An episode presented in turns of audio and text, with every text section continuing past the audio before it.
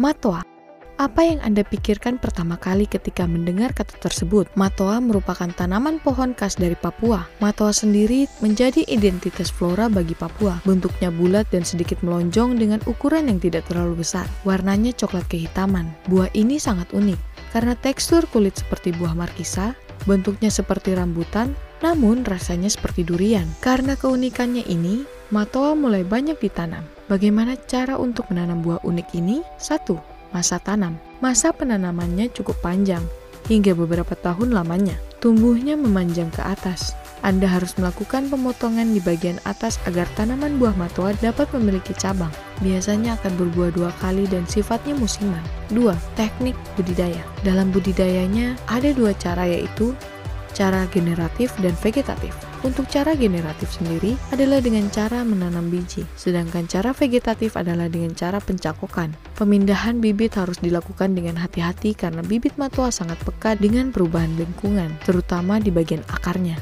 Jangan dipindahkan dengan cara mencabut karena dapat merusak laju perkembangan bibit matoa. 3. Polybag budidaya. Sebelum dipindahkan ke pot besar, Tanamlah dengan polybag karena akan memudahkan dalam proses pemindahan bibitnya.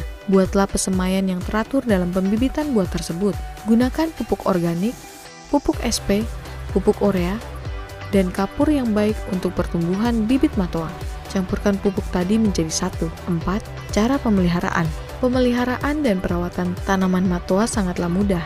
Ketika buah sudah berbunga, maka bunga dapat dimakan dalam jangka waktu 2-3 bulan setelahnya. Gunakan jaring untuk menghindari hama yang menyerang. Perlu Anda ingat bahwa jangan menggunakan plastik untuk menutup buah, karena akan membuat buah matang dengan lambat, atau justru akan cepat membusuk. Mudah sekali kan pemirsa? Ingin mencobanya? Selamat mencoba!